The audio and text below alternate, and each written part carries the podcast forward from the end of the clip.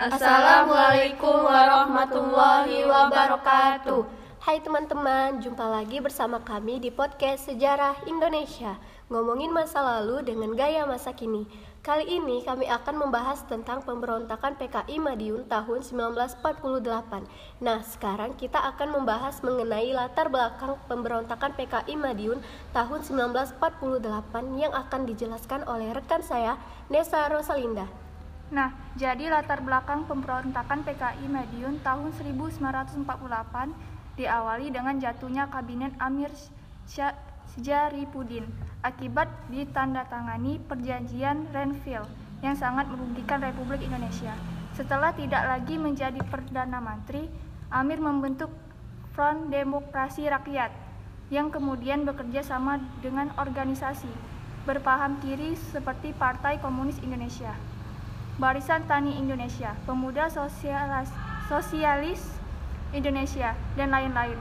Kedekatan Amir Syarifudin dengan tokoh PKI Musa dan bercita-cita menyebarkan ajaran komunisme di Indonesia. Propaganda kekecewaan terhadap Perdana Menteri selanjutnya yakni Kabinet Hatta akibat programnya untuk mengembalikan seribu tentara menjadi rakyat biasa dengan alasan penghemat biaya.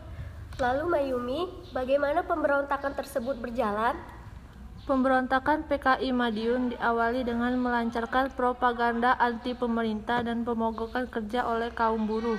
Selain itu, pemberontakan juga dilakukan dengan menculik dan membunuh beberapa tokoh negara, seperti penembakan terhadap Kolonel Sutarto pada 2 Juli 1948, penculikan dan pembunuhan terhadap Gubernur Jawa Timur pertama RM Aryo Surjo yang kebetulan berkunjung ke Ngawi dan kemudian dicegat oleh kelompok Amir pada 10 September 1948 serta penculikan dan pembunuhan kepada Dr. Muwardi pada 13 September 1948 yang merupakan tokoh penting dalam peristiwa proklamasi kemerdekaan Indonesia.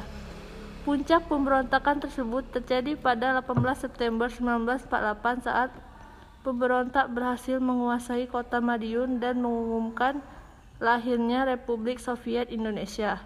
Mereka pun menguasai tempat strategis, melakukan sabotase, perusakan pembakaran sarana dan prasarana, serta melakukan pembunuhan terhadap orang-orang yang anti PKI.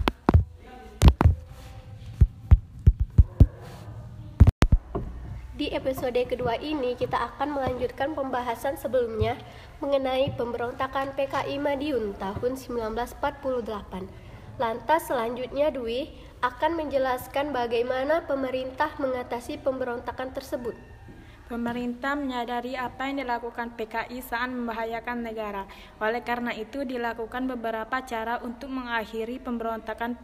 Pertama, Soekarno memperlihatkan pengaruhnya dengan meminta rakyat memilih Soekarno-Hatta atau musuh Amir. Kedua, Panglima Besar Sudirman memerintahkan Kolonel Gatot Subroto di Jawa Tengah dan Kolonel Sungkono di Jawa Timur untuk menjalankan operasi penampakan penumpasan dibantu para santri. Pada 30 September 1948, Madiun dapat diduduki oleh RI. Beberapa petinggi PKI melahir, melarikan diri ke Tionghoa dan dan Vietnam seperti DN Aidit dan Lukman. Musa tertembak dalam pertempuran ke, kecil di di Diponegoro. Amir Syarifudin ditangkap dan ditembak mati. Jadi, sekian dulu bincang-bincang dalam podcast kali ini. Saya Sela Patriani. Saya Dwi Restuma Pareza. Saya Nesa Rosalinda. Saya Mayumi Eksa Pertiwi. Salam sejarah.